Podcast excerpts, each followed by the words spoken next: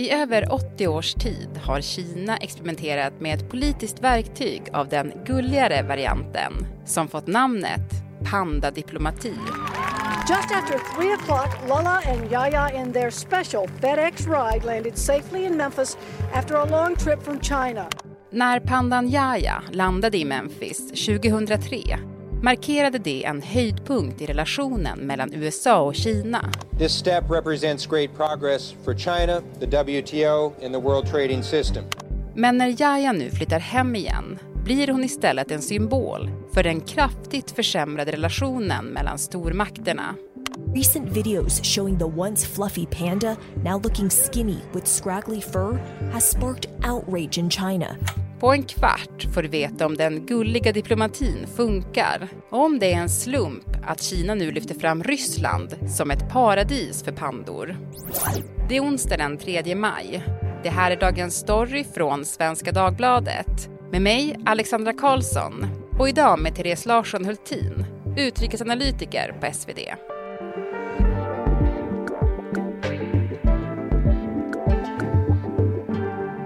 Du, Therese, i förra veckan hamnade ju en liten oväntad karaktär i centrum för de rätt usla relationerna mellan Kina och USA. Mm, och jag får nästan ont i magen när jag tänker på det. Det är lilla Jaja, eller liten, Jaja är rätt stor, en Panda som var på lån till eh, Sot i Memphis i USA, Elvis Presleys hemstad. Och Jaja mådde inte alls bra. Hon var skabbig, pälsen var missfärgad eh, och den var liksom förlorat päls på många olika ställen. Man, alltså, man fick ont i magen när man såg Jaja. Och det här blev en jättestor grej i Kina där man var övertygad om att eh, hon inte fick tillräckligt med mat och att då Sot i Memphis misskötte henne. Och så i förra veckan så fick hon komma hem till Kina. Men de här bilderna på, på Jaja, hon ser ju verkligen eh, hon ser sorglig ut liksom. Men stämmer det att hon har varit vanskött? Nej, hon har ju inte det. Eh, utan Sot har tagit väl hand om henne. Men det blir ju så symboliskt. Och tack och lov, får man väl nästan säga, så var kinesiska forskare där och undersökte henne för några månader sedan och kom fram till att hon har en genetisk sjukdom och att det är hormoner som har gjort att hon ser ut så här. Till saken hör också att hon hade en kompis tidigare, Lele, mm. som också bodde i Memphis då på Sot, som gick och dog knallfall i februari. Vilket ju då i Kina spädde på de här ryktena om att pandorna blev misskötta. Nu är hon tillbaka som sagt eh, och det beror inte på att hon är sjuk utan det beror på att Sot i Memphis fick ha, och det gäller alla pandor som Kina då lånar ut, henne på lån just, eller man, man hyr dem kan man säga. Man betalar ungefär en miljon euro, 11 miljoner kronor per år i avgift till Kina som då går till bevarandet av pandor som ju lever i Kina. Mm. Och det var därför de skickades dit då 2003, de här två pandorna till USA? Ja, men det är ju del av det som kallas för pandadiplomati mm. eh, och det här började redan 1941 men blev riktigt stort egentligen på 70-talet när president Nixon, Richard Nixon var på besök i Peking och hans fru Patricia gick på besök på, på Peking Zoo och såg pandor och blev alldeles förälskad. Och sen så skänkte då, eller lånade man ut två stycken pandor till Washington Zoo. Och det blev en sån otrolig framgång. Så Kina insåg att, att det här är ett sätt att bygga goda relationer med andra länder, att få positiv uppmärksamhet och speciellt då som de här pengarna då man betalar årligen går till att bevara pandan. Så att det har varit en väldigt, väldigt framgångsrik diplomati, pandadiplomati genom åren för Kina. Och varför är det just pandor då? Ja, men det är en viktig symbol för Kina. Det är ett, ett otroligt gulligt djur. Eh, Verkligen. Eh, och det är också liksom en, en, rent symboliskt viktigt i Kina. Det är Världsnaturfondens eh, symbol. Eh, och det är liksom någonting där de länderna som tagit emot dem också känner att de gör en god gärning.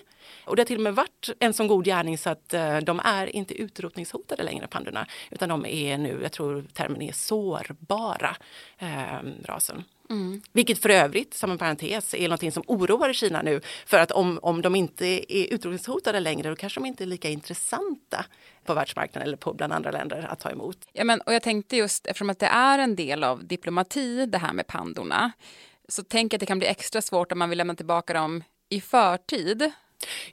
Och du tänker på Finland nu ja. antar jag. Ja, för det är en annan stor grej som har varit nu under våren. Att det finns ju två stycken pandor i Finland, i Etseri som ligger mitt i Finland. Eh, de har två stycken pandor och det är liksom alldeles för dyrt för dem. För ett litet zoo, det kostar tydligen totalt nästan 15 miljoner kronor per år med, med all skötsel och sånt där för dem att ha de här pandorna. Och det lönar sig inte. Så de har velat lämna tillbaka pandorna och då har ju finska regeringen blivit så här, hjälp, vi kan liksom inte lämna tillbaka pandor, det ser dåligt ut eh, av diplomatiska skäl. Så man har diskuterat på olika sätt liksom, hur man ska kunna lösa det här, om man kan ge statsstöd eller inte. Men nu är det en tillfällig lösning att man ska behålla dem över sommaren och verkligen försöka få in fler biljettintäkter eh, och sen ta ett nytt beslut efter hösten. We have at times in the past been enemies. What brings us together is that we have common interests. Efter decennier av iskall stämning mellan USA och Kina så börjar relationen mellan stormakterna tina. 1972 kröntes vänskapen med att dåvarande amerikanske presidenten Richard Nixon fick två pandor av den kinesiska kollegan Joen Lai. Mrs. Nixon, it's a pleasure to welcome you here this morning at our Panda Day at the zoo. När pandorna Sing Sing och Ling Ling anlände till The National Zoo i Washington var det The First Lady, Pat Nixon, som höll i det högtidliga välkomnandet. Och hon var inte sen att tacka Kina för gåvan. On behalf of the people of the United States, I am pleased to be here and accept the precious gift from the government of the People's Republic of China. Sen dess har Kina fortsatt använda pandor för att stärka sina internationella relationer. 2001 går Kina med i Världshandelsorganisationen, WTO. Och optimismen i synen på Kina är stor. By adding China to the WTO, we strengthen the organization by further integrating China's 1.2 billion people and $1 trillion economy into the world market network. Som kronan på verket skickar Kina pandorna Yaya och Lele till Memphis Zoo. Just after 3 o'clock, Lala and Yaya in their special FedEx ride landed safely in Memphis after a long trip from China. Men så i början av 2023, alltså 20 år efter att Yaya och Lele först kom till USA, är relationen mellan stormakterna på väg mot en ny bottennotering. Något som de två pandorna blir en tydlig symbol för. Ryan Reynolds here from Mint Mobile. With the price of just about everything going up during inflation, we thought we'd bring our prices down. So to help us, we brought in a reverse auctioneer, which is apparently a thing.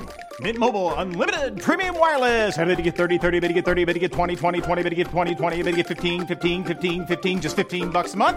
So, Give it a try at mintmobile.com/switch. slash $45 up front for 3 months plus taxes and fees. Promo rate for new customers for limited time. Unlimited more than 40 gigabytes per month slows. Full terms at mintmobile.com.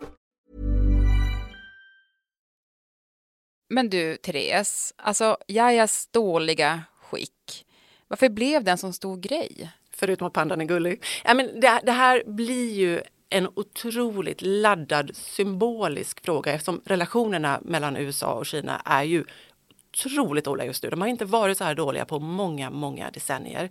Xi och Biden, ländernas presidenter, träffades i, på Bali i höstas och pratade med varandra. Och liksom det, det sägs ha gått ganska bra och det fanns försiktiga steg att man skulle gå framåt och försöka närma sig varandra igen. Men så kommer ju den här, som du kanske kommer ihåg, den här ballongincidenten som ju var nu mm. i vårvintras. Där det kom en stor ballongliknande farkost som, som kineserna sa var en väderballong men som USA sa liksom var, var någon spionverktyg och man sköt ner den och då ställdes ju eh, Antony Blinkens, utrikesministern i USAs besök i Peking in och så vidare. Så att vi ser ett lågvattenmärke och när då en sån här sak händer, att en, en ullig-gullig panda mår dåligt, så är det ju väldigt lätt att spinna på det. Inte minst då i de som vill ge en dålig bild av USA i Kina, så på sociala medier, i statstelevisionen till och med, så har liksom det målats ut som att eh, den här pandan har blivit misskött eh, av de hemska amerikanerna ja, det får ett otroligt symboliskt värde. Mm.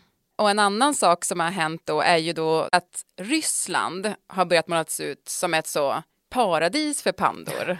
Ja, det har ju gått då parallellt för det, det finns ju pandor på ett 20-tal länder runt om i världen. Eh, bland annat förresten i Danmark då och i Finland och i Tyskland men inte i Sverige. Och i Ryssland så har man kunnat se hur pandorna på Moskva så mår otroligt bra. Eh, och de fick eh, en, en stor specialgjord tårta på pandornas dag här nu i våras som de hade gjort. Och det, det, det har blivit så att, att bilden i Kina är att Ryssland tar väl hand om våra pandor, USA gör det inte, vår allierade Ryssland. Eh, så det blir ju så, ja det blir ännu mer symboliskt. Ja, verkligen, för det är ju ingen slump. Men det är klart att man i Ryssland tar väl hand om pandor. Det är som, Putin är ju extremt beroende av Kina i det här läget. Så det, det, skulle mycket till om man inte tog väl hand om. Men, men, sen så är det ju också ett klimat i Moskva som passar pandorna. Det är kallt, eh, de, de mår helt enkelt bra där. Mm. Och får tårtor. Ja, det är ju en dröm. Mm. Men du, när vi skulle göra den här podden så, så påminde du oss också om att Kina även har ändrat sin strategi. Alltså om det var pandadiplomati mm. så har man nu också blivit hårdare. Ja men för, för, eh, några år sedan, det är väl en sex år sedan nu kanske någonting, så infördes någonting som kallas för vargkrigardiplomati som kommer då efter en, en film som heter Wolf Warrior som handlar om en kinesisk eh, soldat eh, med hjälp av andra kinesiska krigare är i Afrika och räddar världen. Och den diplomatin går ut på att Kina tar för sig, att Kina sätter ner foten och inte tar skit helt enkelt. Xi, presidenten, är ju nästan till besatt av att Kina ska få sin, vad han tycker är rättmätiga plats på världsscenen. Kina ska behandlas med respekt, det är en stor makt och ni ska inte komma här och liksom opponera er, liksom, håll inte på, lägg av. Så man sätter ner foten och ryter och hotar med sanktioner eller, eller inför sanktioner som man gjort mot Australien och så vidare. Och just den här Wolf Warrior-diplomatin, det var ju då den förra svenska ambassadören en av de allra främsta utövarna av detta. Han var ju verkligen beklagade sig över enskilda politiker och journalister och det skickades brev och grejer och så här. Och det här är någonting vi har sett just från ambassadörer på många ställen. Men eh, det har också tonats ner senaste två åren kanske för att Xi har insett lite grann att vi behöver få dem att tycka om oss. Eh, och då kanske det inte är den bästa strategin att eh, upplysa folk om hur, hur dumma de är utan då är det bättre att skicka pandor kanske. Ja, kanske. Jag hade nog uppskattat det mer tror jag än att bli utskälld. Även USA, de har ju också valt att bygga upp sina relationer på andra platser i Asien eftersom det är så ansträngt med Kina? Ja men det har ju skett otroligt mycket de senaste åren. Alltså först såg vi redan under Barack Obama att han gjorde vad som kallades i USA för en pivot to Asia, alltså att han vände sig mot Asien. Han ville satsa på relationerna med Asien ekonomiskt framför allt eh, och inte bry sig så mycket om Europa.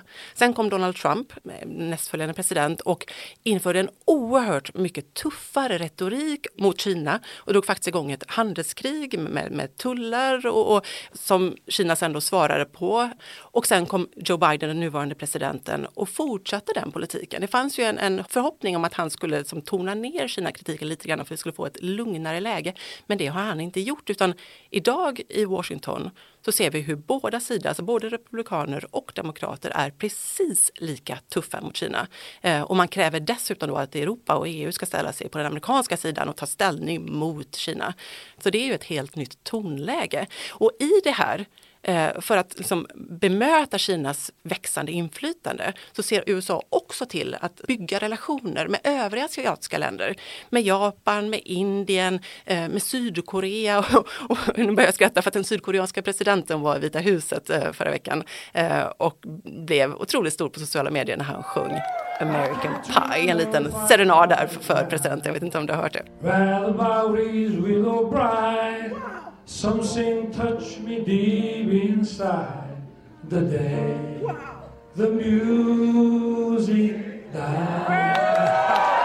Och Sydkorea är ju en, en extra viktig bundsförvant just nu för att de sitter på en jätte jättestor vapenindustri. Eh, så det är många länder, eh, inklusive som många här i Europa, som just nu lägger stora beställningar på, på sydkoreanska vapen. Eh, eftersom man, måste, man har massa hål att fylla efter vad man har gett till Ukraina och också eftersom man håller på att rusta upp på många håll. Så mm. det är väldigt viktigt att ha Sydkorea i sin hörna. Mm. Är det därför Biden ser så glad ut när Sydkoreas president sjunger där? Eller är det för att han är så bra på att sjunga? Vad tror du? Vem skulle inte bli glad om, om man vid ett statsbesök någon klämmer upp liksom, American Pie? Jag hade också skrattat om jag varit Biden. Mm. Men du, eh, Therese, hur troligt är det att USA kommer få några nya pandor då av Kina i närtid?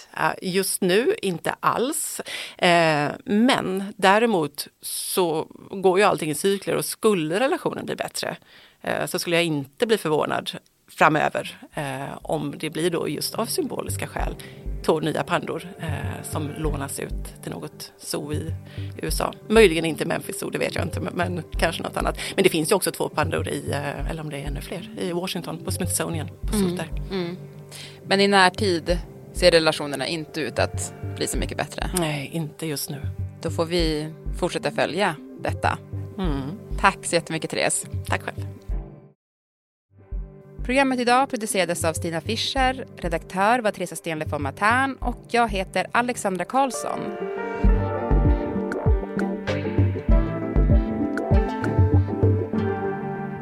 Vill du kontakta oss så mejla till dagensstory.svd.se. Och klippen i programmet kom från CNN, SVT, AP, Richard Nixon Foundation och Action News 5.